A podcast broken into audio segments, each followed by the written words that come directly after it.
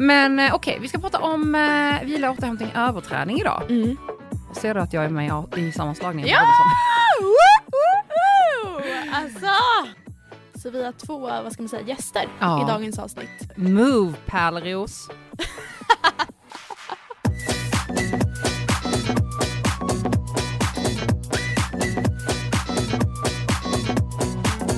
Varmt välkomna till det näst sista avsnittet av Ja. säsong ett.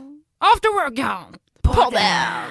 Woo, woo, woo! Probably the greatest pod in the world. Yes. Move Pärleros. Just han har ju sånt intro. Ja. Dum, dum, dum, dum, dum, dum, dum, dum. Hello and welcome back. Ska vi skaffa sånt? Eller? Gärna, Sista gärna. avsnittet. Ett riktigt såhär pang-intro.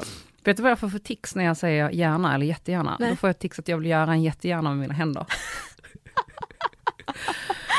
Åh, men du, hur mår du? Jag mår bra, det var länge sedan vi eh, överhuvudtaget sågs. Ja, det var det. Nu spelar vi in en dag innan vi ska gå live. Ja, vi får det- se när det här kommer ut. Exakt, det är lite stressigt men eh, det är så det är ibland, lifet. Pussla Ja. ihop allting. Mm. Har Men du haft en bra helg? Ja, jättebra. Eh, nu måste jag tänka, vad gjorde jag? Nej men jag eh, har varit, eh, jag jobbade i lördags med min mamma, Mm. eh, jättemysigt. Och sen så igår så hade jag en så här riktig, alltså rensningsdag. Mm, jag såg det. Ja, för att alltså så här, det har bara samlats på sig massa så här pressutskick och gamla kläder som legat i olika högar runt om hemmet. Eh, så att liksom vi har så här ytstädat nu de senaste två månaderna. Ja. Men det har aldrig känts liksom riktigt rent. Mm. Så igår tog jag tag i det. Så jag eh, började klockan sju på morgonen och sen så var jag klar fem på eftermiddagen. Snyggt. Ja. Du, får du mycket mm, med pressutskicken? Mm. Får du väldigt mycket som eh, de inte annonsar att de ska skicka till dig? Ja, gud Mm. ja. Men nu så skrev jag ut här om veckan att så här, eh, skriv till mig innan. Exakt. Eh, för både så här miljön Ja, det är jättemånga produkter, om de inte frågar så vet jag inte vad det är och så här, nej, kommer inte till användning och sen så liksom så här, ja det är ju bättre att de kommer till någon som behöver dem eller liksom Mm. så. Jag har ju jättemycket produkter redan. Mm. Så att eh, nu skrev jag ut att jag vill att de frågar först och sen Mm. så får jag liksom Mm. ta ett beslut. För det är också så här skattepengar, jag ska ju skatta på allt jag får. Exakt. Så att, eh, ja. Det är bra. Mm. Hur mår du? Jag mår bra, jag har haft en eh, bra helg, jag hade en lite stressig morgon. Mm. Min Bolt avbokade två gånger. Ringde Taxi Stockholm, de ville inte köra till Sundbyberg. Eh, jag bara, nej okej. Och sen så, när jag, så fick jag ta pendeln in i alla fall. Det går ju fort, tar sex minuter. Ja. Men det är den här, där jag ska ta mig från Mm. Odenplan Mm. hit till Birger. Och du vet att jag hatar att vara sen. Ja. Så jag fick stresspåslag och sen insåg jag att jag inte hade någon tampong och jag har typ vita jeans på mig. eh, så nu sitter jag här och typ så här har fyra lager papper i trosorna för att jag inte någon tampong. Och så fick fråga en kvinna på bussen, jag bara ursäkta du har ingen tampong. Och hon såg paniken i mina ögon och så kollade hon på mina byxor hon bara tyvärr inte. Och typ led med mig, jag bara hopp. Ja, den där är jobbig faktiskt. Ja. Men jobbig. men, ja det, det löser sig. Det löser sig. men nu är det här. Jag är här nu. Mm. Och eh, jag är taggad på det här avsnittet. Mm. Jag poddade ju med, eh, eller poddade, jag, jag ringde Adam via zoom igår och Mm. spelade in. Så det är klart och vi hade ett väldigt bra snack. Mm. Eh, så det kommer vi lyssna på idag och du har med din mamma Precis. också, det är också väldigt bra snack. Så vi har två, vad ska man säga, gäster Ja. i dagens avsnitt. Mm. Eh, som delar med sig av väldigt mycket klok kunskap och, och Ja. sådär. Vi kommer ju snacka om att träna hållbart idag. Exakt, men innan vi går in på det, Mm. hallå, ser du att jag är med i sammanslagningen? Ja! Alltså! Wow! Men är det inte en tidig sammanslag? Nej, det Nej, kanske inte är det. nej, det Brukar är- man vara så många när man... Ja, vi är tio pers. Åh jävlar. Nu börjar det på riktigt. Vet vad jag stör mig på? Nej. Jag tror att, är det han Andreas? Mm. Forna lag Nord eller något sånt där. Man bara, släppte. släpp det. Ja, exakt. Alltså, i varenda synk ska han säga det. Jag vet. Original femman. Man bara, jaha? La Familia. Ja. Jag bara, men okej, det börjar bli lite creepy nu. Är det en incest, incest familjefest eller Ja. vad vi pratar om? Ja. Nej, men, eh, nej, nej men nu börjar det. The shit will hit the fan. Oh. Och jag längtar så mycket tills en vecka till. Ja. Det är då det, det brakar loss. Nej. Ja. Nej men alltså, tänk dig alla vulkaner på en och samma gång. Pang, pang, pang, pang, pang. Nej men jag tycker nu den senaste veckan, alltså förra veckans Ja. avsnitt, alltså det var så underhållande. Ja. Det är så bra tv så att man sitter där, alltså liksom, Ja, hakan hänger. Det är så bra tv. Ja, Ja, det är så roligt. ja nej men så fort jag vaknar, det är Mm, första. mm. T4 Play och sen direkt Ja. Robinson. Nej men det blir kul, det blir kul. Mm. Wow, Ja. jag är riktigt taggad. Och vi ska ju spela in dubbelavsnitt så vi kan ju inte göra en uppföljare på nästa vecka. Nej, men eh, nej, det, nej det kan vi inte. Vi, eventuellt att eh, vi kan ringa varandra via zoom, så Ja. kan vi lägga in det. Vi måste typ göra det. Ja det måste vi göra, för vi har så mycket att prata om. Ja, ja. Men eh, okej, vi ska prata om eh, vila, återhämtning, överträning idag. Mm. Ska vi göra. Mm. Och jag skulle vilja börja med att fråga dig så här, hur, hur tränar man hållbart? Vad är hållbar träning för dig? Eh, hållbar träning för mig är en variation Mm. i träningen, men också att eh, våga trycka på när man ska trycka på Mm. och våga ta det lugnt när man ska ta det lugnt. Ja. Ehm, och skippa den här mellanmjölksträningen. Mm. Eh, för det är många som tränar sju dagar i veckan, Mm. men de ligger på hela tiden på 60%. Så det enda de gör är typ och sliter och nöter ut, Mm. men det blir aldrig några riktiga resultat. Nej. Istället för att verkligen så här sänka till 4-5 dagar i veckan, trycka på när man ska trycka på ordentligt. Eh, och sen är det många som så här, tränar ett pass som ska vara hårt, men sen har de Sen kör de ett pass till för att de har energi över. Men då har du inte kört det passet du ska ordentligt. Precis. Nej. Så att eh, det och sen, eh, ehm, nej men hållbarhet handlar ju också om att jag eh, ska kunna göra det här om 10 år, Mm. om 20 år. Mm. Eh, och att jag ska tycka det är roligt. Mm. Jag håller helt med dig. Mm. Eh, ja, alltså mitt varför är ju att jag vill vara frisk, stark och hållbar och Mm. hålla hela livet. Mm. Och jag vill liksom inte att eh, det ska vara min ålder eller liksom min fysiska förmåga som ska hindra mig från Mm. att göra saker när jag blir Mm. gammal. Utan jag Mm. vill vara liksom stark och flexibel och kunna hoppa på grejer liksom, oavsett. Ehm, och sen som du säger också den här mentala biten att hitta, nu har jag hittat en träningsform som jag tycker är rolig. Mm. Eh, det är väl inte säkert att jag kommer hålla på med crossfit hela livet, kanske hitta någon, någonting annat. Men att liksom hitta någonting som man tycker är roligt eftersom det oftast blir mest hållbart. Precis. Och som du säger, viktigt med vila, återhämtning, mat, Ja, men- fylla på. Ja, och också att man eh, vågar, eh, man vågar, eh, vad ska man säga, stiga utanför sin comfort zone och faktiskt våga så utmana sig själv i Mm. det man gör. Att man säger, okej men nu ska jag kanske gå en programmering eller jag ska gå en periodisering, men Mm. också att man vågar följa planen där Ja. och inte bara så här, nej, nej, men, nej jag, jag modifierar lite efter mitt egna tyckande, Mm, mm. för nej, men då blir det inte bra. Nej. Utan man verkligen så här följer, om du nu ska ha en plan, Mm. följ den då och, och ha tålamod. Tro Mm. inte att du ska få resultat efter två veckor. Nej. För det är så vanligt att folk så här Ja. vill ha. Det vet jag, utan att nämna några namn så vet jag några som följer en programmering som när de har sina deload-veckor, Mm. när det står liksom vila eller bara liksom väldigt Mm. lätt kondition, så är det så här, då pr- programmerar de lite egna pass och Ja. övar på deras svagheter och lite tunga lyft och la, Ja. Och det är inte bra. Alltså en deload-vecka är en deload-vecka för att du ska Exakt. kunna återhämta dig och bli starkare inför de hårdare och tuffare Exakt. passen. Liksom. Jag har ju väldigt många gånger, mina PT-kunder får ju en uppdatering efter sex veckor. Mm. Eh, och då brukar vi alltid ha en utvärdering så här. Eh, Känner av läget och framåt och ja men som en check. Mm. Och sen så brukar jag säga, okej men bra, men då ska jag sätta mig med ditt upplägg, du får dem några dagar, men eh, innan du går på det så vill Mm. jag att du har tre till fyra dagars helledigt. Du kan ta lite promenader, lite yoga, eh, men eh, du ska Mm. det som en, en, en liten eh, intensiv deload. Mm. Då eh, många får panik. Ja. Ska jag inte träna på tre dagar? Ja. Jag var nej det är inte så att allting du har gjort under sex veckor kommer raseras. Snarare tvärtom. Och så är det som en mental omladdning också. Ehm, och för många till exempel löpare, Mm. som då blir jag, då är jag också för att nu kommer du gå in på ett lite mer intensivare block och vi kommer höja dina tröskelpass, vi kommer Mm. liksom, du kommer kanske öka, det är många som har så här maratonpass och liknande. Mm. Du, du kommer, kommer ha, höja dina ehm, distanser, så du kommer behöva det här. Mm. Nej men det är, Mm.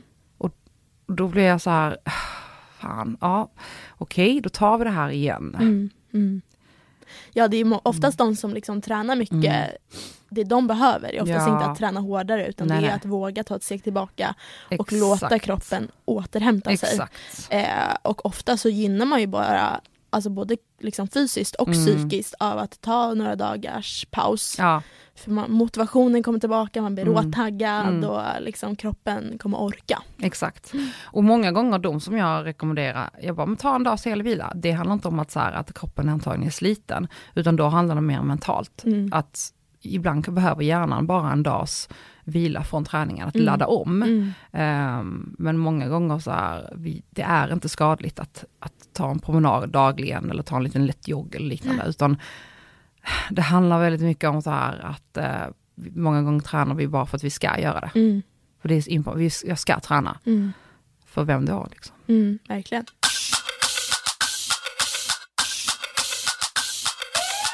Men eh, ska vi ta in din mamma först och främst då kanske? Men jag tänkte innan vi gör det, Ja. för både min mamma Jessica Ja. och Adam pratar mycket om det här fysiska, hur Ja. man tränar hållbart för att ja, men, liksom hålla fysiskt. Ja, Så jag tänkte innan det så kan väl vi gå in lite på den mentala det kan vi göra. biten. Bra. Vad, för, vad vi har för nycklar för Mm. att liksom hålla mentalt. Mm. Eh, för att jag personligen skulle inte orka att liksom köra rätt in i kaklet, alltså om man tänker med huvudet, liksom psyket, hela tiden. nej. Ehm, Inte jag heller. Jag har ju vissa dagar där jag, så här, där jag har kanske ett, eh, ett riktigt tungt pass. Mm.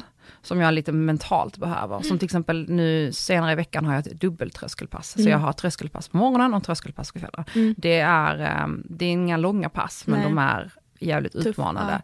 Och då, är, och då har jag redan pratat med, med Mattias som är ju, eh, han hjälper mig med min programmering på löpningen. Mm. Och han är så här, han bara, för nu, jag åker ner till Skåne eh, Mm. i veckan. Han bara, det är dagen efter du har suttit i en bil, eh, känn efter, är du mör och sliten i kroppen och lite mosig, då kan du med fördel flytta det passet till Mm. fredagen till Mm. exempel.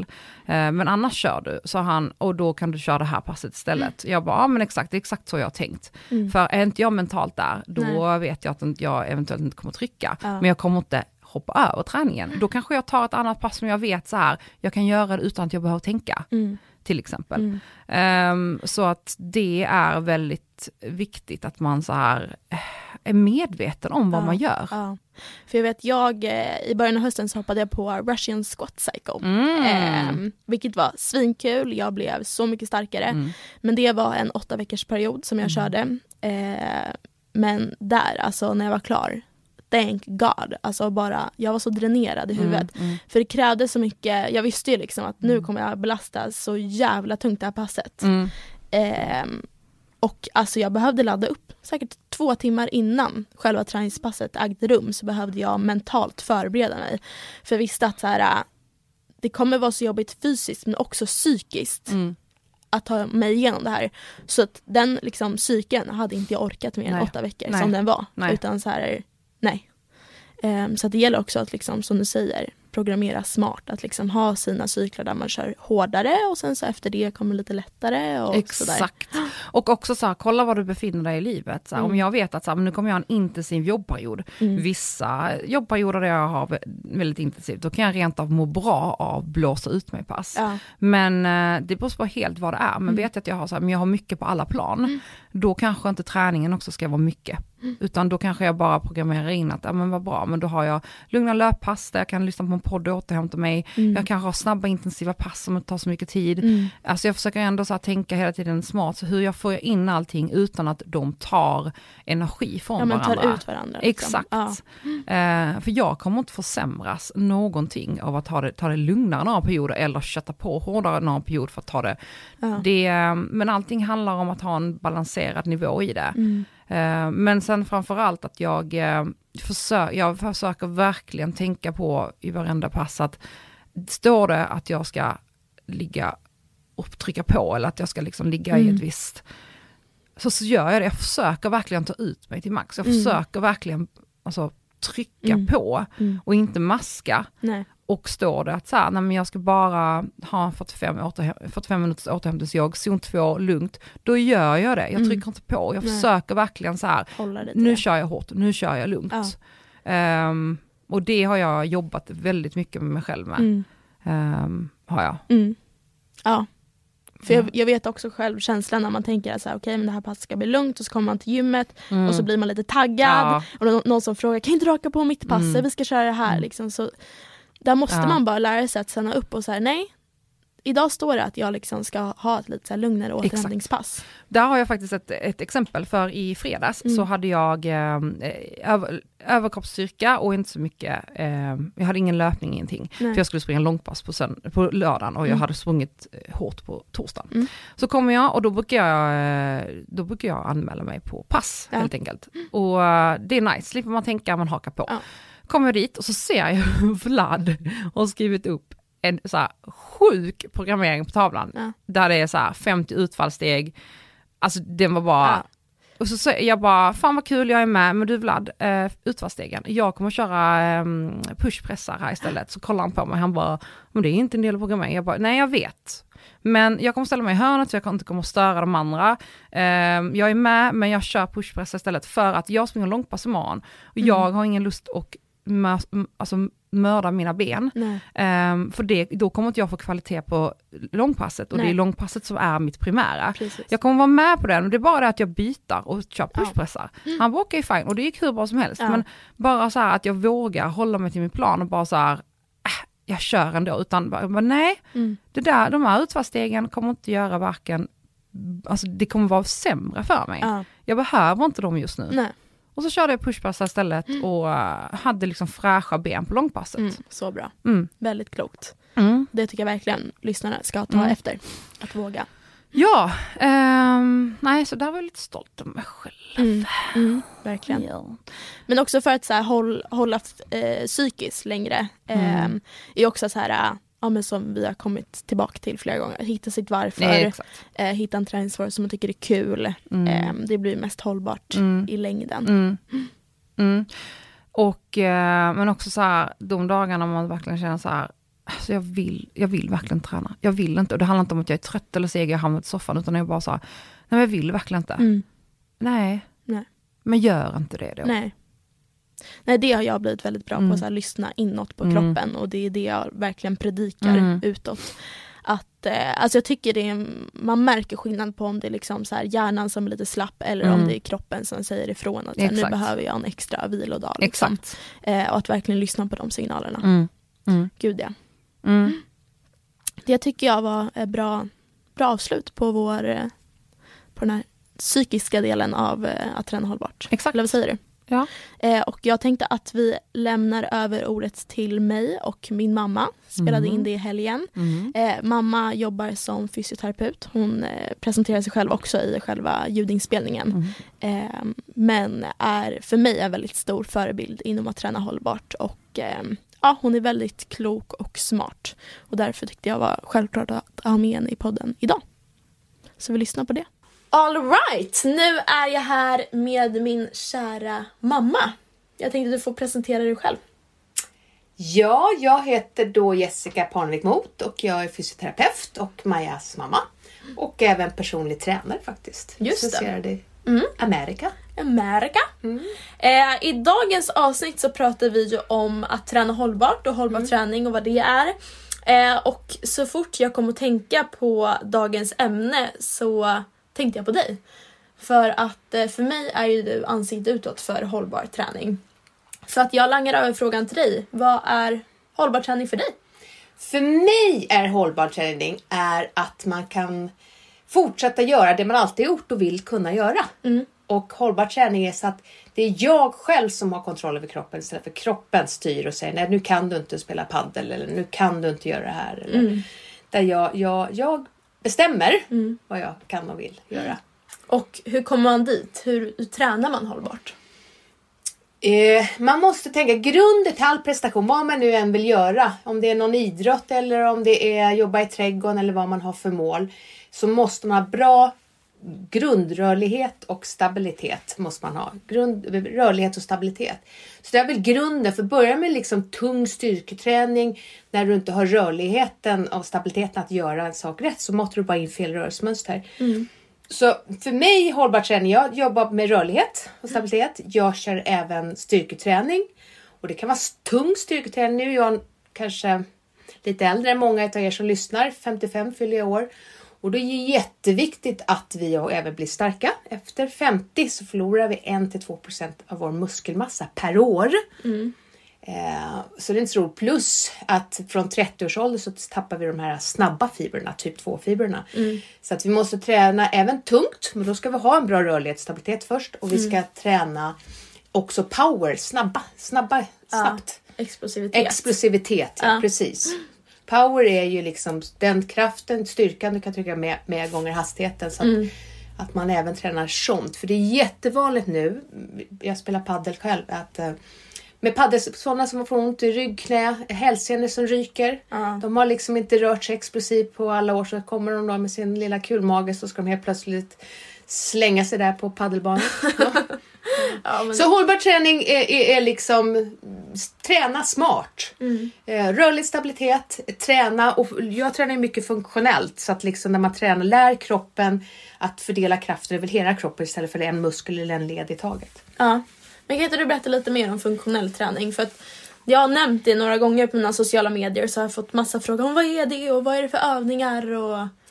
Eh, för mig funktionell träning, det beror på vad man har för mål. Eh, men det häftiga liksom grundrörelsemönster är liksom tryck och drag och rotation och sådana där. Eh, där du ska ha bra rörlighet är liksom i fötterna, fotlederna, mellanfötterna. Du ska ha bra sträckning och rotation i höfterna. Du ska ha bra rotation och rörlighet i bröstryggen och övre delen av nacken när det gäller rotation. För har man inte det så får man ont i rygg, knä eller andra. För Det är väldigt, väldigt sällan man får ont eh, där man hittar orsaken. Eh, så har du ont i ryggen så är det väldigt, väldigt sällan ryggen det är som orsakar till det. Det är oftast stela höfter eller en stel bröstrygg eller sådär. Så skaffa bra rörlighet och sen när jag tränar, jag tränar mycket med dragapparat, fria vikter.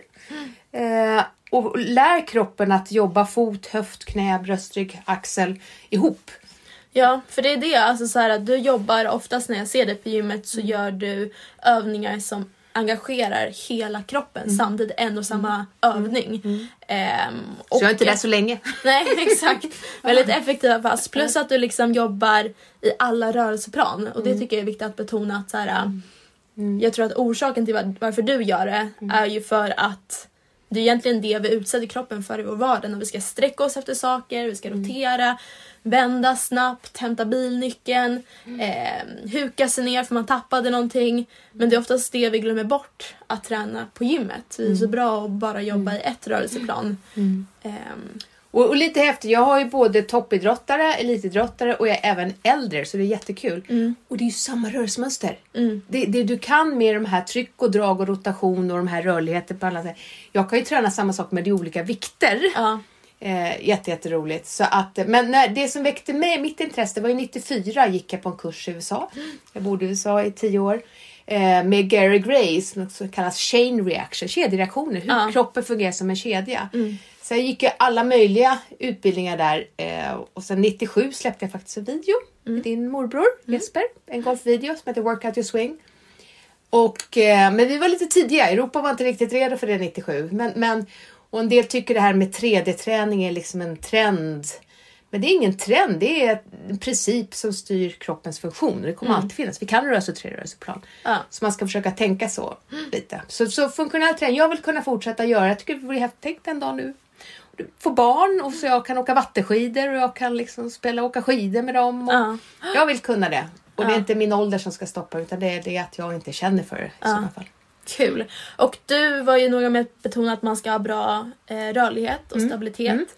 Eh, det kan jag själv ha lite svårt med att liksom eh, identifiera om jag har liksom hur, hur bröstryggen är och sådär. Eh, skulle du hur, hur, hur vet man om man har bra eller dålig rörlighet? Är det liksom, ska man vända sig till någon speciell eller kan man se det själv? Eller? Ofta känner man ju också själv om man är stel. Sådär. Ja. Jag tycker själv, nu har jag hållit på med gånganalys, eller gånganalys, rörelseanalys många, många år men ändå är det svårt. Ja. Så vi tog fram ett testsystem i stående där vi testar då som heter 1080 Map. Ehm, för att se, för att få också ett objektivt värde på är min bröstrygg stel? Hur är det? Hur är mina höfter i stående? För att få ett värde på rotation i liggande ner är inte alls samma sak hur höfterna fungerar i stående. Nej. Så då kan man gå och göra tester. Man kan gå till rehabpersonal. Det finns säkert duktiga PTs också som kan Ja. göra olika tester. Man får hjälp. Eh, Men det är jätteviktigt. Det är grunden. För börja med tung styrketräning innan man har bra rörlig stabilitet. Då, då kan det lätt bli fel. Ja. Att liksom vänja in fel Mm. rörelsemönster. Och, och styrka är ju viktigt att vi tränar upp Ja. styrkan. Och framförallt med åldern, alltså det är lår och höfter tappar vi. Så att man, man hittar en, ett, ett, en tyngd där man kanske bara klarar ett fåtal, liksom sju repetitioner kanske. Så att man får den här maxträningen också. Och att våga det. Mm. Eh, verkligen. Så jag, jag är inte helt emot att isolera någon muskel ibland men, men, men kanske maxa den, sen går ut och sätter ihop det med, att man sitter och gör en benspark som är inte så himla funktionellt. Nej. Men maxa den och sen så går jag ut och kanske gör en knäböj eller jag gör ett utfall eller jag gör olika grejer så att det visar, okej så här, ja, Ja. precis. Men eh, apropå, det, apropå det så eh, ska vi ju nu faktiskt efter vi har spelat in det här åka till gymmet och spela in lite övningar eh, som jag tänkte sen publicera på After Workout-podden och det kommer ligga ute nu när avsnittet släpps. Så att eh, Det spana är in bara det. grundrörelsemönster, tryck, Ja. dra och rotation. Och, och Verkligen. Och var hittar man dig då om man är intresserad av att få kontakt med dig eller läsa mer? Jag eh, fin- har en hemsida, jessicaparnevik.se.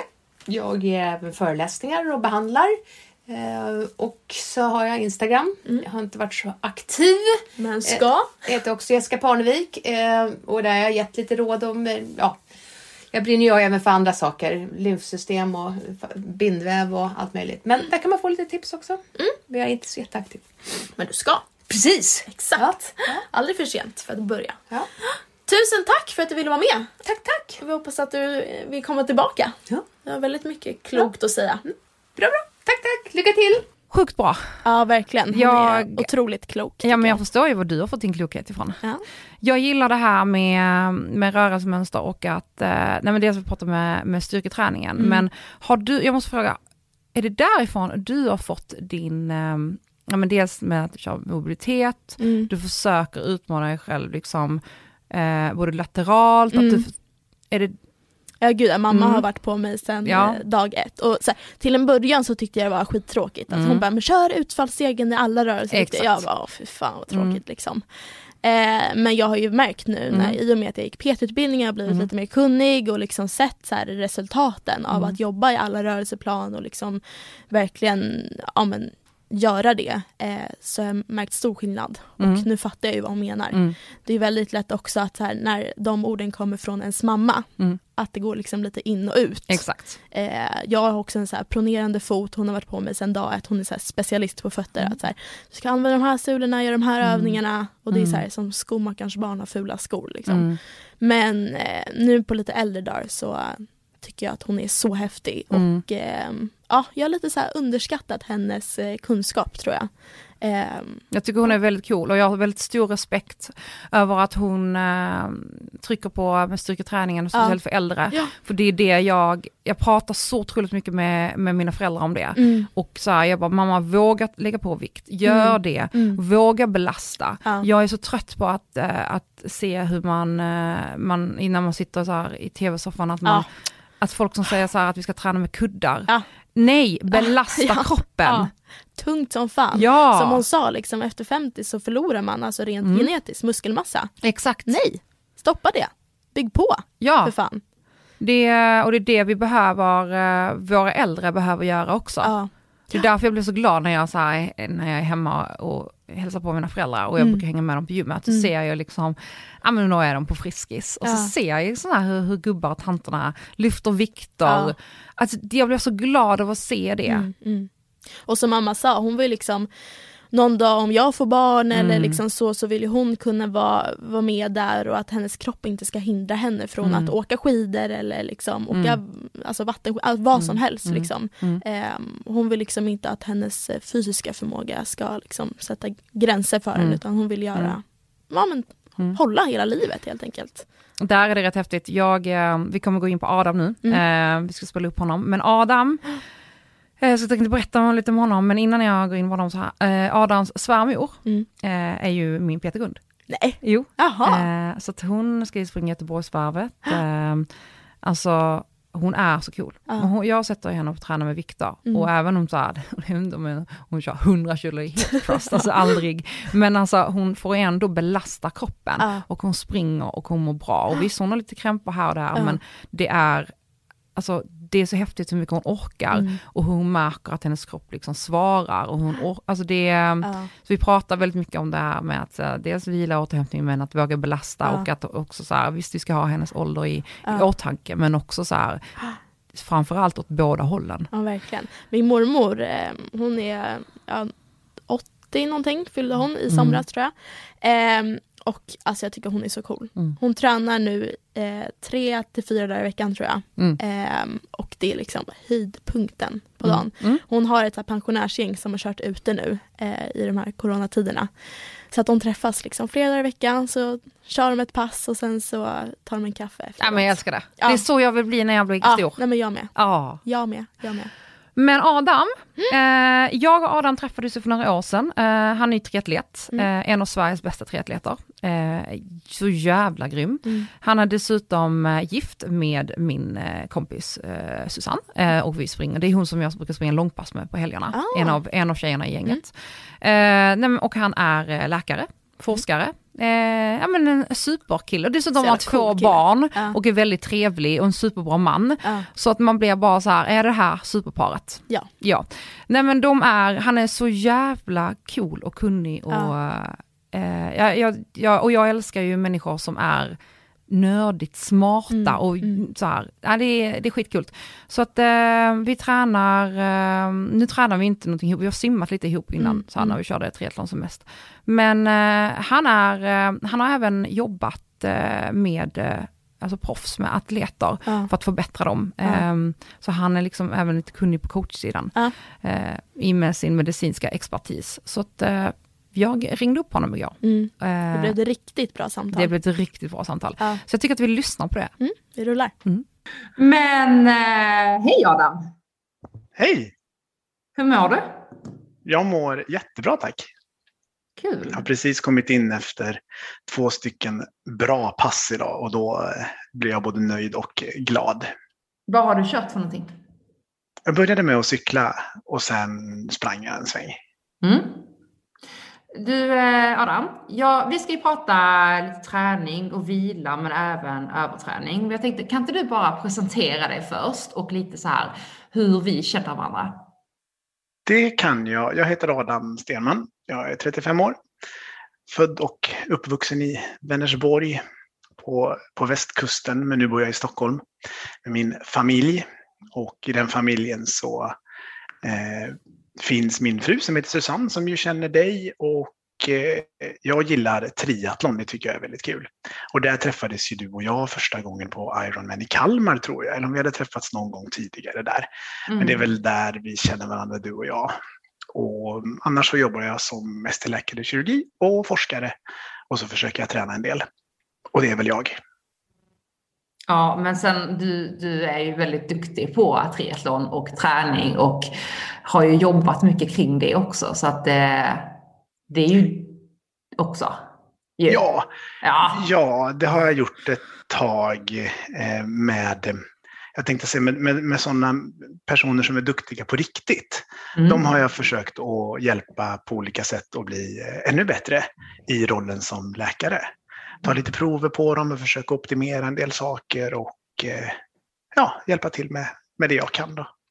Och det är just därför jag kontaktade dig för eh, att prata om just det här ämnet med tanke på att du är väldigt kunnig och också att du kan backa upp med vetenskap, eh, studier och eh, helt enkelt din kunnighet. Och jag tycker det är väldigt viktigt att man, eh, man pratar om just det och mer djupgående.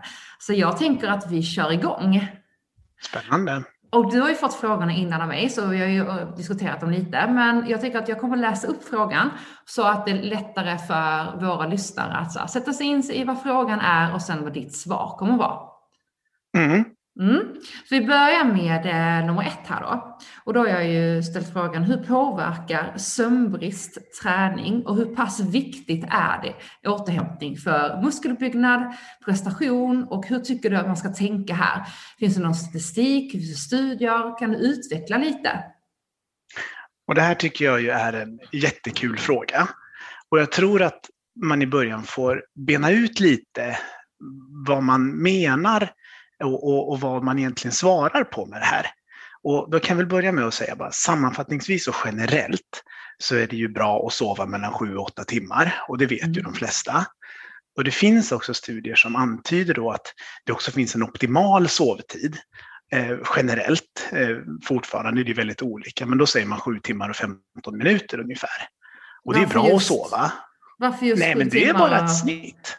Aha, alltså okay. man har kommit fram till att det, det skulle vara optimalt så för de flesta. Mm. Eh, och det är lite spännande att man har kommit fram till det. Då. Men det är ju bra att sova av flera anledningar och det påverkar ju både prestation och återhämtning, men det är på lite olika sätt. Och det är det jag menar med att vi får bena ut lite eh, vad man menar. För det är inte riktigt lika dåligt, alltså den akuta effekten på själva träningsprestationen, utan det är sämre alltså återhämtningen och risken för skador eh, är det sämre att inte sova för om man säger.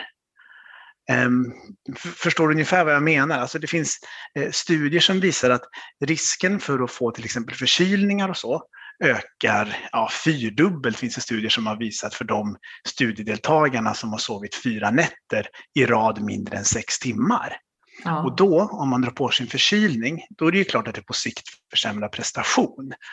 Eh, men däremot så är inte den här akuta träningseffekten lika påverkad. Det kan liksom kännas dåligt ändå när man går ut och kör, alltså dåligt på massa olika sätt i sin kropp, men det behöver inte vara så att prestationen är väldigt mycket sämre för det. Nej. Det blir mer också så här, skulle man kunna förklara det att det blir som en snöbollseffekt, att gör man det här under längre tid, då kommer man ju dels så här öka risken för infektioner, men att man helt enkelt kommer sätta sig i ett sämre läge Exakt. Mm. Och, alltså om jag, lite ur eh, egen erfarenhet så jobbar jag ju själv ganska mycket nätter på sjukhus då. Eh, och jag vet ju att eh, jag själv dagen efter när jag inte har sovit någonting på natten så känns det ju riktigt, riktigt dåligt att gå ut och, och springa. Och huvudet är så bara konstant tjock dimma och kroppen är helt klistrig liksom. Och så nästan illamående av trötthet ja. och så ja, lätt irriterad och marginalen, du vet, innan så här bägaren rinner över är väldigt liten. Eh, så sitter jag där så här på morgonen och kan inte komma till något beslut och då ja, min fru då som du ju känner, hon brukar tvinga ut mig mm. eftersom att hon vet ju att dels så går det inte att prata med mig mm. och så är jag också helt oförmögen att fatta det själv. Så, men mm. sen när jag har just kommit ut så brukar passet gå ganska bra ändå. Mm. Men det mm. känns ju dåligt. Mm. Finns det någon gång du faktiskt har tänkt att nej men jag gör inte det här för att det kommer skada mer än det hjälper? Jag försöker nog ändå ta mig ut för att jag vet mm. att det känns dåligt, men det behöver mm. inte nödvändigtvis vara dåligt. Nej. Men däremot skulle jag, precis som du sa innan, göra det flera dagar och flera nätter, flera veckor i rad, så är det klart att det blir sämre. Mm. Men jag säger mm. också det här för att det, det är ju många som kanske sover dåligt en natt här och mm. där. Men om man gör det så behöver man inte bli ja, rädd eller så för om det är nu prestation, så man ska göra någonting, tävla eller prestera på något annat sätt, så behöver det inte bli så himla mycket sämre just den dagen bara för att man har en dålig natt. Exakt. Men om man har haft det, då kan man ändå välja så här och justera det lite. Man kan liksom flytta fram passet till eftermiddagen, för då har studier visat att det är sämre att träna morgonen efter. Mm. Och så kan man köra något pass till exempel där man inte behöver tänka så himla mycket. Och så kan man köra lite kortare än att köra långt har också studier visat att det skulle vara bättre då om man nu ändå har haft en dålig natt till exempel. Mm. Superbra. Så brukar jag också tänka. Jag tänker att jag brukar inte ha dubbeltrösklar eh, om jag har sovit riktigt dåligt och är trött och liksom känner mig, eh, du vet när man inte känner sig på topp men man vet ändå att jag har kapacitet att klara det. Då kan jag också flytta fram eller flytta om lite. Det är väl jättesmart för ja. det är ju så, vi kanske kommer in på det med överträning sen, men allting, mm. det blir ju som en, ja men om man liknar det vid en bägare eller en hink som, som man fyller med vatten och till slut så rinner den ju över. Eller en tung ryggsäck som man hela tiden fyller med stenar, att man till slut blir den ju för tung och så orkar man inte bära den längre. Precis. Ja men bra, tack snälla. Vi tar eh, andra frågan då. Vad är skillnaden mellan typ 1 och typ 2 överträning och vad skulle du säga är främsta bidragande faktorn till just dessa? Vilka långvariga risker finns det till överträning? Eh... Skillnaden, om, om, vi börjar så här då, för, jag försöker fatta den här frågan. Mm. Alltså skillnaden mellan typ 1 och typ 2, eh, det handlar egentligen bara om eh, olika symptombilder om man säger. Då har man gjort så här att man har eh, grupperat eh, symptom som finns på överträning i två stycken olika grupper bara. Eh, och då säger man så här, men nummer ett innehåller de här olika symptomen och, och, och, grupp två innehåller de här olika symptomen. Och då kan man säga så här att ja, men nummer ett, det, det är mer eh, den typen av symptom som är kopplade till en överaktiv eh, ja, bild, eller vad man ska säga.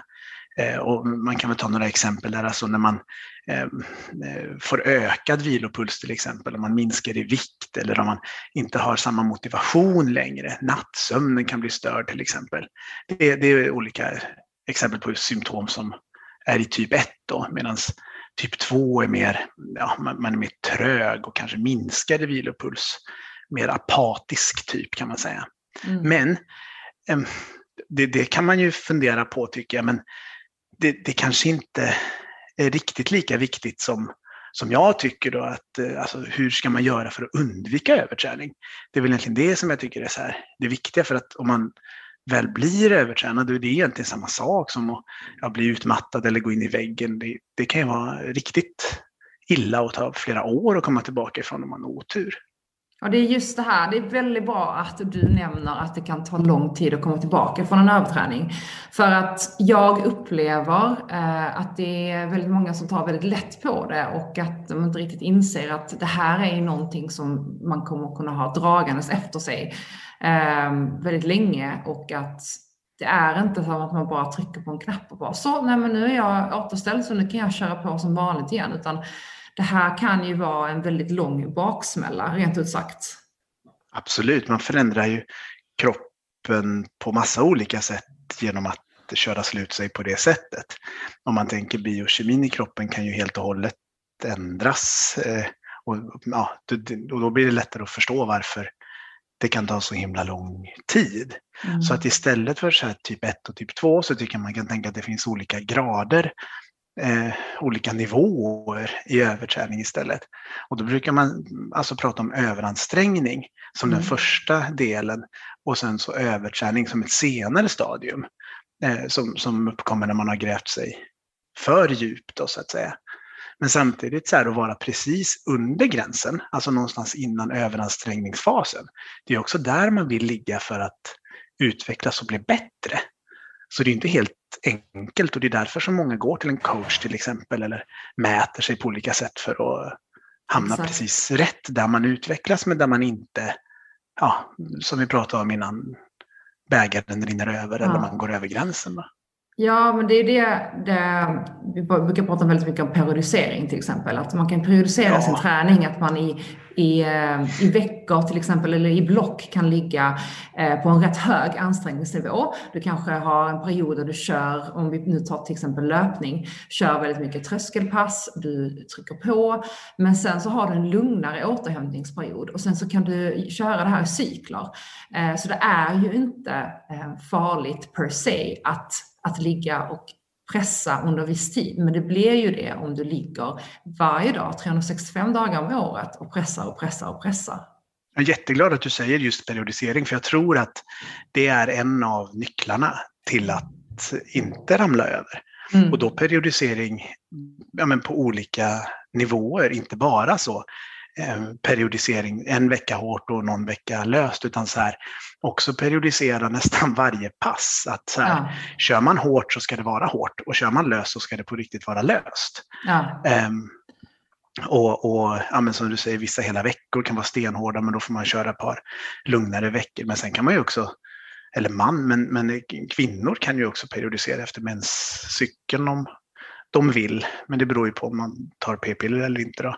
Ja. Ehm, så det är också en typ av periodisering man skulle kunna kan inte du utveckla det lite? Hur, ehm, just med periodisering efter menscykeln och eh, hur det kan påverka kroppens behov av just vila eller återhämtning, men även eh, ja, men i träningen och prestationen? Eh, jo, och det tycker jag är jätteroligt att prata om hormoner. Det är lite grann också det jag jobbar med. Ehm, så ja, du får väl stoppa mig om det blir eh, för invecklat. Mm. Men, men eh, det är ju mer då utifrån studier naturligtvis än vad det är eh, empiri i det här då. Men det, det är ju spännande med att det finns en cyklisk variation av könshormoner ur ett träningsperspektiv. Eh, om man säger så. Eh, och jag har svårt att lova det, men, men jag tror att jag hade nog experimenterat en del Eh, med det eh, om jag hade varit kvinna tror jag.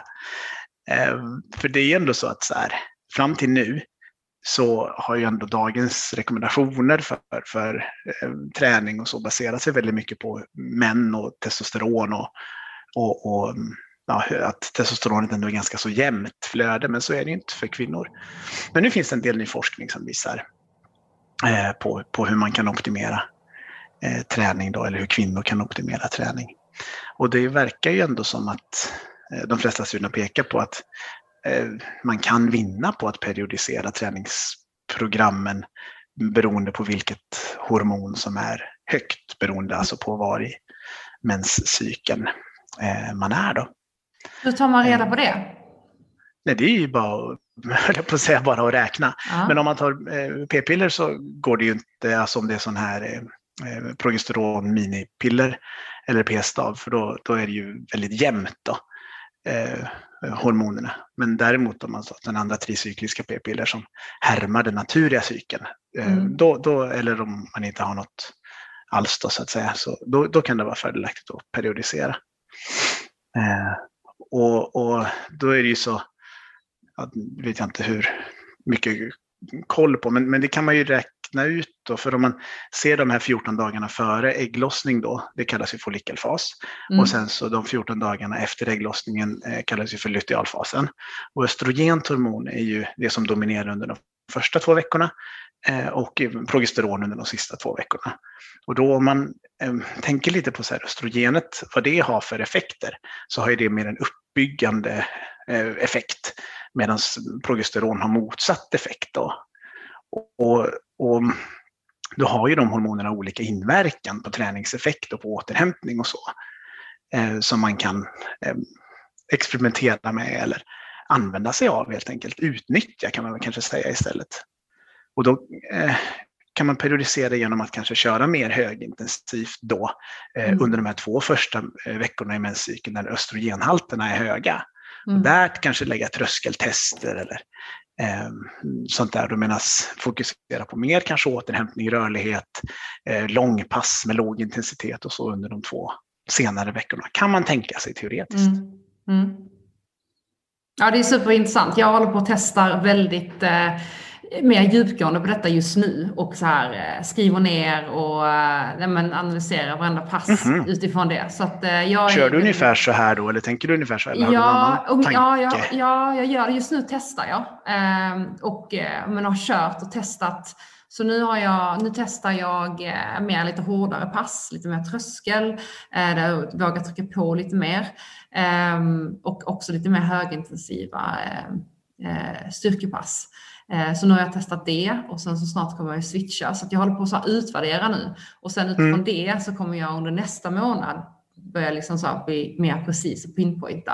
Så att mm. Eh, det tar ju flera månader att testa en, en tes och sen behöver jag ju testa en annan tes jag har. Alltså så här. Men jag tänker ja. att jag Men så länge du skriver ner och är metodisk och, och ja, har någonting som du kan gå tillbaka till sen och, och ja, men, eh, associera ja. ja. men, din utveckling med hur du faktiskt eh, har, har legat eh, så, och, och jämföra dem så är det mm. jättebra. Ja. Då kommer du men, kunna se på exakt. vilket sätt. Ja. Exakt, så jag, nej men jag tycker det är rätt, äh, rätt intressant och äh, också nu i början när jag typ så här, jag typ samlar på mig just nu info skulle jag kunna säga om dels mig själv men också så här hela, för det är ju väldigt nytt. Jag visste jag läst mycket om det men jag har faktiskt inte börjat applicera det och testa det så på mig själv. Så det är det jag gör nu. Så det är mm. väldigt, mm. eh, ja. Men eh, bra, eh, då ska jag fråga här. Vad är viktigt att tänka på när man kommer tillbaka efter ett längre uppehåll, någon skada eller nu om man eh, till exempel har varit eh, övertränad?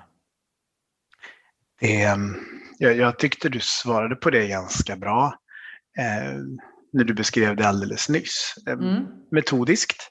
Mm. Eh, ja, precis så som du säger, men skriva ner, gärna föra dagbok. Eh, mm. Det är något jag tror mycket på. Men mm. också nyckelordet är nog tålamod. Mm. Eh, och, och tålamod igen och tålamod igen. Och det är jättelätt att säga och, och jättesvårt att göra. Ja. Eh, Man vill ju helst bara rusa iväg och bara, men nu har det gått två veckor så nu har det känts Ja. bra, nu trycker jag på. Men ja, nej jag vet, jag tjatar det går inte. Nej, det, nej. Det går inte att göra så, men alla som har tränat och varit skadade har gjort det där misstaget. Ja. eh, tror jag. Men, men om man är metodisk och jag tror ju på, eh, jag kanske inte riktigt lever som jag lär där, men jag tror ändå någonstans på att ja, men har man en skada eller någonting så skriv ner också hur, ja, men hur du känner dig. Mm. Alltså inte bara säga idag eh, sprang jag så här mycket eller jag lyfte så här mycket utan också ja, men på en skala mellan 0 och 10 så gjorde det också så här ont. Eller det Exakt. kändes, eh, jag var så här glad eller, jag var, eller vilket problem det nu är man har. Så att man också kan relatera till något som är faktiskt, för annars så blir det så lätt att man efteråt, men det där kändes väl ganska bra, gjorde det inte det? Jag hade väl inte Mm. så ont tror jag. Jo, men då kan man gå tillbaka och så, ja men kilometer två och en halv, det var faktiskt där det började kännas i hälsenan. Exakt. Så att, eh, Men också att man Metodiskt. skriver upp, ja, och att man skriver upp så den upplevda ansträngningen, hur man upplevde den. Och att så här, ja, det, är, ja, det är så viktigt. Bra att du säger det. Ehm, då tänker jag så här. Eh, muskeluppbyggnad under vilodagar, sant eller falskt? eh, eh, ja, jo, det är det väl. Eh, det sker ju muskeluppbyggnad under vilodagar. Mm. Men jag tror kanske inte att det är sunt att helvila en hel dag för det. Nej, Får man säga så? Det får man Eller det- absolut. Eller, det beror lite på vad man menar med vilodagar kanske. Ja, det, det, är därför jag, det, är- det är därför jag ställer den här. För att jag det är vet- det du vill ha ut? Ja, det, är det, här. det finns en tanke kring den här eh, frågan. Okej, ja, men då skulle jag säga så här, ja, men det beror på vad man, vill, alltså vad man menar. Mm. Hela kroppen tror inte jag måste vila. Mm. Nästan oavsett. Eller så här, om man har gjort något superextremt, någon liksom jätteextrem utmaning, då kanske man inte har något annat val Mm. än att bara ligga i soffan i hög läge med benen och kanske käka chips om man får i sig det. Mm. Ehm, Men om man, om man har någon typ av val, så, vilket man väl oftast har, så tror jag att någon del av kroppen måste man ju kunna röra. Och då är ju det bättre än att inte göra det. Mm. Ja, men till exempel ta en promenad. Eller, Absolut. Alltså, ja, alltså någon Lugn jogg eller en promenad på vilodagen för cirkulation. Alltså, Ja. det, det är ju bättre än att ligga helt still. Mm. Mm. Bra. Snyggt. Bra. Bra. Snyggt. Då är vi överens om det också. Vi, Då. vi är överens. Vi är överens. Ehm, då, jag har en, eh, en lyssnarfråga som eh, en väldigt specifik fråga. Men jag har faktiskt stött på den här frågan hos, ja, men i andra forum och jag har fått frågan ställd till mig också. Eh, så jag börjar tro att det inte här är en, en bara en enskilt problem hos den här personen. Eh, och det lyder så här. Eh, Hej, jag får ont i luftvägarna ner i bröstet vid korta intensiva pass. Får även blodsmak vissa gånger eh, och känner liksom ett generellt tryck eh, på bröstet. Är det farligt? Mm. Fram till du sa det här med generellt tryck över bröstet Mm. så kändes det väl lite lättare att säga att det låter ganska normalt Ja. vid hårda pass som är Mm. utanför ens comfort zone. Mm. Och det är ju svårt att säga eh, rakt upp och ner eller så, rätt generellt på det. Mm. Men man kan väl resonera lite kring att det är ju en balansgång även det där. Jag tror att man inte ska vara rädd för att få lite ont när man Mm. tränar. Mm. Eh, Det gör ont om man vill träna hårt när det ska vara hårt och så löst när det ska vara löst. Och det finns ju någon sån här regel om att ungefär 80% löst och 20% hårt. Mm. Eh, Och vill man då 20 av sina pass träna lite hårdare så kommer det att göra ont på en del ställen. Ehm, Och då är ju just att man får lite blodsmak eller att det gör ont i lungorna för att man andas hårt. Det är ju normalt på samma sätt som att få ont i benen. Men sen finns det ju vissa symptom som kanske inte är lika bra och då just det här med ja, men få tryck över bröstet låter väl kanske inte riktigt lika bra då. Nej, men jag tror Ehm. att, eh, för att personen har formulerat det att, så här, att när, det, när det får ont i luftvägarna ner, att det känns som att det är tryck. Och jag tror det är det de menar, att det är svårt. Och Ja. just att, att man hämtar andan och då känns det som ett tryck. Jag tror det är så personen menar. Och det är just det här med att när man pressar på helt enkelt. Ja, och jag, jag, det, det låter spontant som att eh, ja, just de symptomen isolerade Mm, eh, är nog ganska normalt att känna vid hårda pass.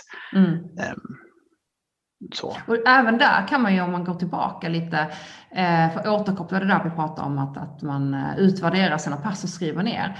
Men ta och utvärdera så när jag känner de här, det här känslan. Är det vid specifika pass? Är det vid specifika intervaller? Är det något speciellt man gör då? Ehm, och också så hur det utvecklar sig över tid. Mm. Och så länge man vet att det inte är farligt så kan man ju med tiden lära sig att gilla en viss typ av smärta. Ändå. Ja. Om Ja, man, jag, ja, jag vet. Jag har ju lärt mig det. Ja. Jag går igång på när det är lite grisigt. Eller så här, jag har ju lärt mig att det, så här, det ska göra lite ont ibland. Och då menar inte jag ont att man håller på att falla ihop, utan att så, det ska ju kännas när man tar i. För det är ju det man Ja. gör. Det är ju lite grann därför man gör det och när Mm. den respons, när kroppen får den responsen, när kroppen eller när musklerna skickar ut de signalerna så är ju ändå det en signal till kroppen att ja, men nästa gång som du kör så här hårt kroppen, då får du minsann se till att vara lite bättre förberedd för att den här kroppen den kommer att, den kommer att plåga dig på det här sättet en gång till.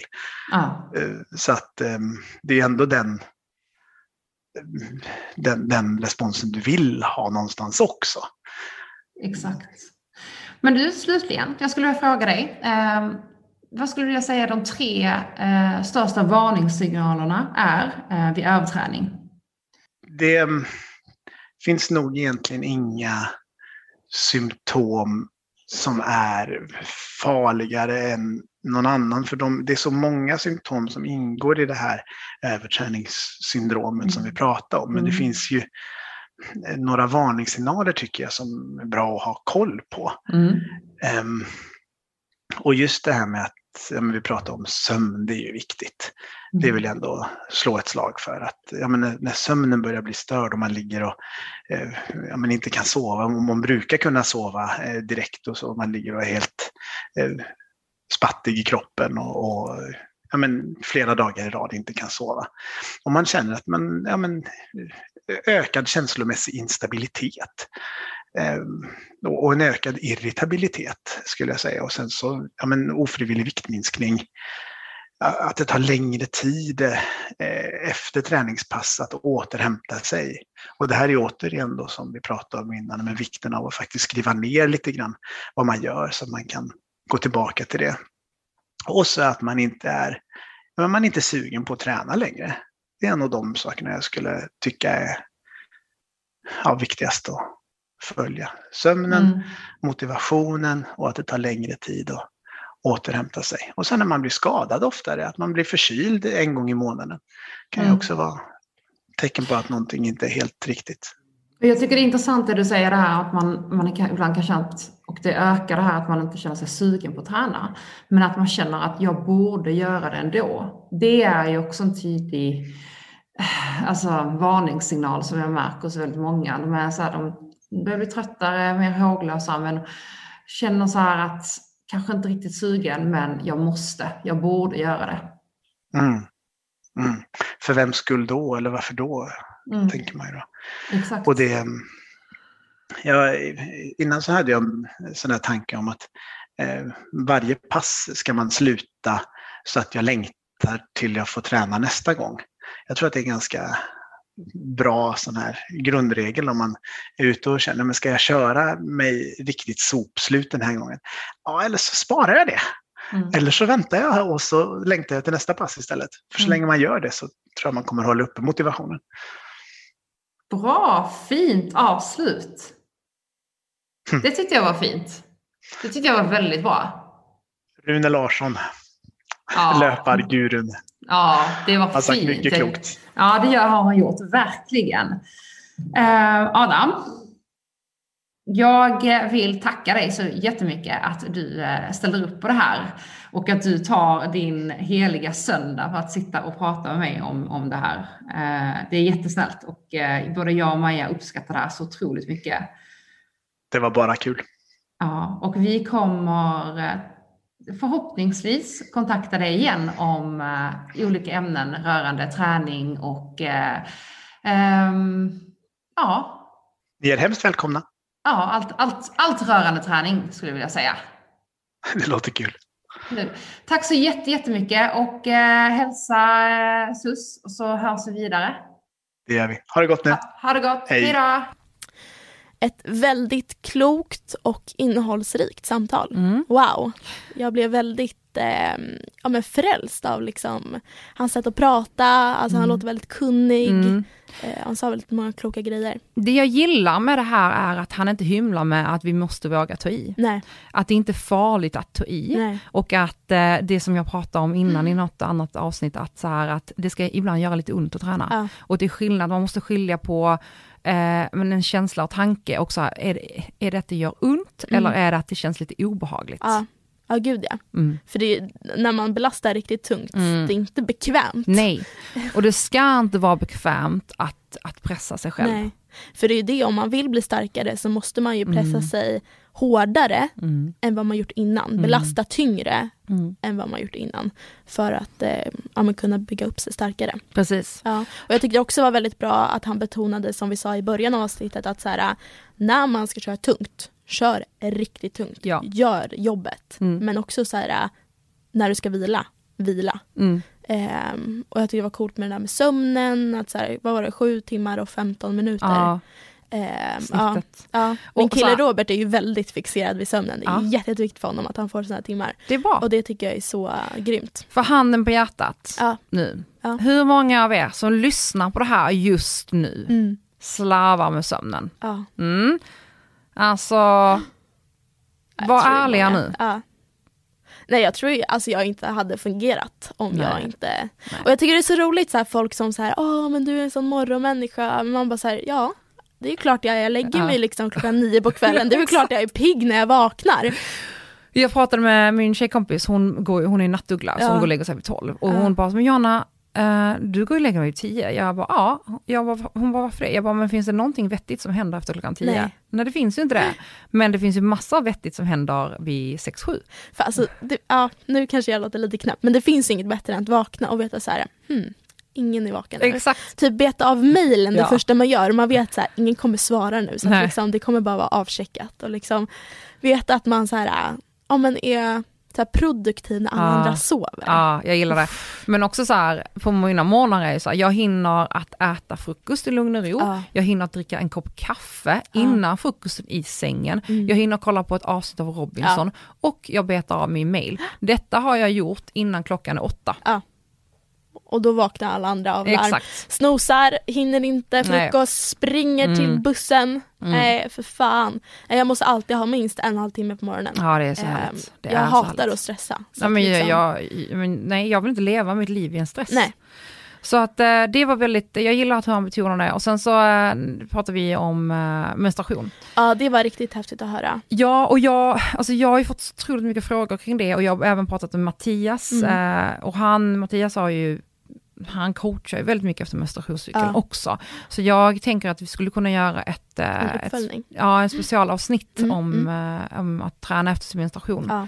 Det tror jag hade varit väldigt uppskattat. Jag, eh, som jag sa och pratade om det nu med Adam, är att jag har ju börjat verkligen Mm. eh, göra uppföljning och tränar efter min menstruation. Och eh, alltså nu, de här månaderna är egentligen att jag samlar in information. Mm. Så nu har jag satt så här att jag ska, i under fyra månader så samlar jag in information, hur kroppen Mm. fungerar och sen så testar jag olika pass. Mm. Ehm, så det är väldigt intressant. Mm. Är det. Det är jag Ehm, också lite sugen på att göra. mm. För jag antar eller tror verkligen på att det kan ha en stor Ja. inverkan. Ja, jag har, ja, jag har märkt att mina, mina tröskelpass går betydligt bättre veckan innan. Mm. Eh, in, veckan innan ägglossning. Så jag, ja, men jag håller på att testa lite olika teser och jag Mm. Ja. tänker, det är perfekt att testa mig själv, även om min mens inte är så regelbunden och så här, men eh, det, det, jag försöker ändå. Ja. Jag måste ju börja någonstans. Ja.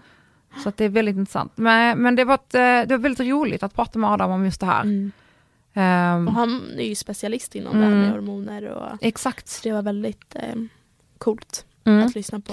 Men också så här, hur han pratar om överträning, att Mm. jag tycker det är så otroligt bra att han tog upp att det tar lång tid att återhämta sig Ja. efter överträning, att komma tillbaka. Ja, Ehm, och att så här, vi pratar om här, typ ett och typ två. precis. Ehm, men alltså framför allt så här att, att våga se det för vad det är. Ja, att, och våga lyssna på signalerna. Ja. Mm. Och eh, kör bara inte på. Nej. Och det, det är ju, vi kommer tillbaka till det här med den här mjölk, mellanmjölksträningen, Mm. att så här, Don't do it. don't do it. Bara, ska du nu träna så gör det ordentligt, men alltså håll inte på att dutta hela tiden. Nej. Ehm, nej. Nej, för någon gång så kommer ju kroppen Mm. säga ifrån. Mm. Ehm, och då får man ju tänka att då blir det bara mycket längre resa tillbaka. Ja, exakt. Så det är mycket bättre att träna hållbart från början innan man hamnar i det träsket. Ja, men ha en plan. Ja, Det, um, nej. Nej, det, det är så mycket, jag, jag har ju, alltså, har ju vissa bekanta som är så här, träna, träna, träna, träna, träna, träna, träna, träna, träna. mm. Och så bara så, men gud är du inte, är du inte så när vi har kört ett pass och man är helt slut? Nej, jag har energi kvar. Jag bara, ja det är fantastiskt, Mm. men då blir jag lite så här, jag bara, men ta i, Mm. tar du i? Eller Ja. vad är det som händer? ja, Eh, och ska öka på och ska köra ännu mer och så köra ett pass till på kvällen. Då är jag så här, fast det här är inte kvalitativt för fem öre. nej. Det är bara att slita på Mm, kroppen. Mm, Nej, verkligen. Så att när man kör, kör då. mm, Ehm, och när du ska vila, vila. mm, Och våga vila. mm, För jag tror att ehm, de som verkligen är inställda i träning så är det oftast där det liksom sva- Mm. svackar. mm, Vilan, mm. återhämtningen. Precis, snyggt. Sjukt bra avsnitt. Tycker jag med. Eh, det var roligt att ha med gäster. Ja, jag gillar det. Ja, få lite andra liksom, synvinklar, kunskap och Ah. även fast du och jag är grymma så är det kul att höra någon annan också. Ja, gud, jag lär mig så mycket hela Ja. tiden. Ehm, jag älskar gäster. Så jag, ja men det tycker jag. Vi, eh, vi gör en uppföljning på detta, Mm. helt klart. Men... eh, Nästa avsnitt, det är ju sista Oh, för säsong wow! ett. Nästa avsnitt ja. Ja. Det, då ska vi prata om att göra business av våra intressen och eh, det vi jobbar med idag. Mm. Så det blir kul. Väldigt, väldigt roligt. Det blir ett bra sista avsnitt. Ja, så får vi se, vi kanske, ska vi, så vi, vi har inte bestämt oss om vi ska fortsätta, så jag Nej. tänkte att vi berättar det i sista avsnittet hur vi har tänkt göra, Ja. eller om vi ens fortsätter. Ja. Och det beror ju på er om ni vill om ni vill att vi ska fortsätta eller om ni är trötta på oss vid det här Exakt. laget. Exakt. Men du, eh, ha en bra dag då, Mm. så hörs vi. Det gör vi. Hej!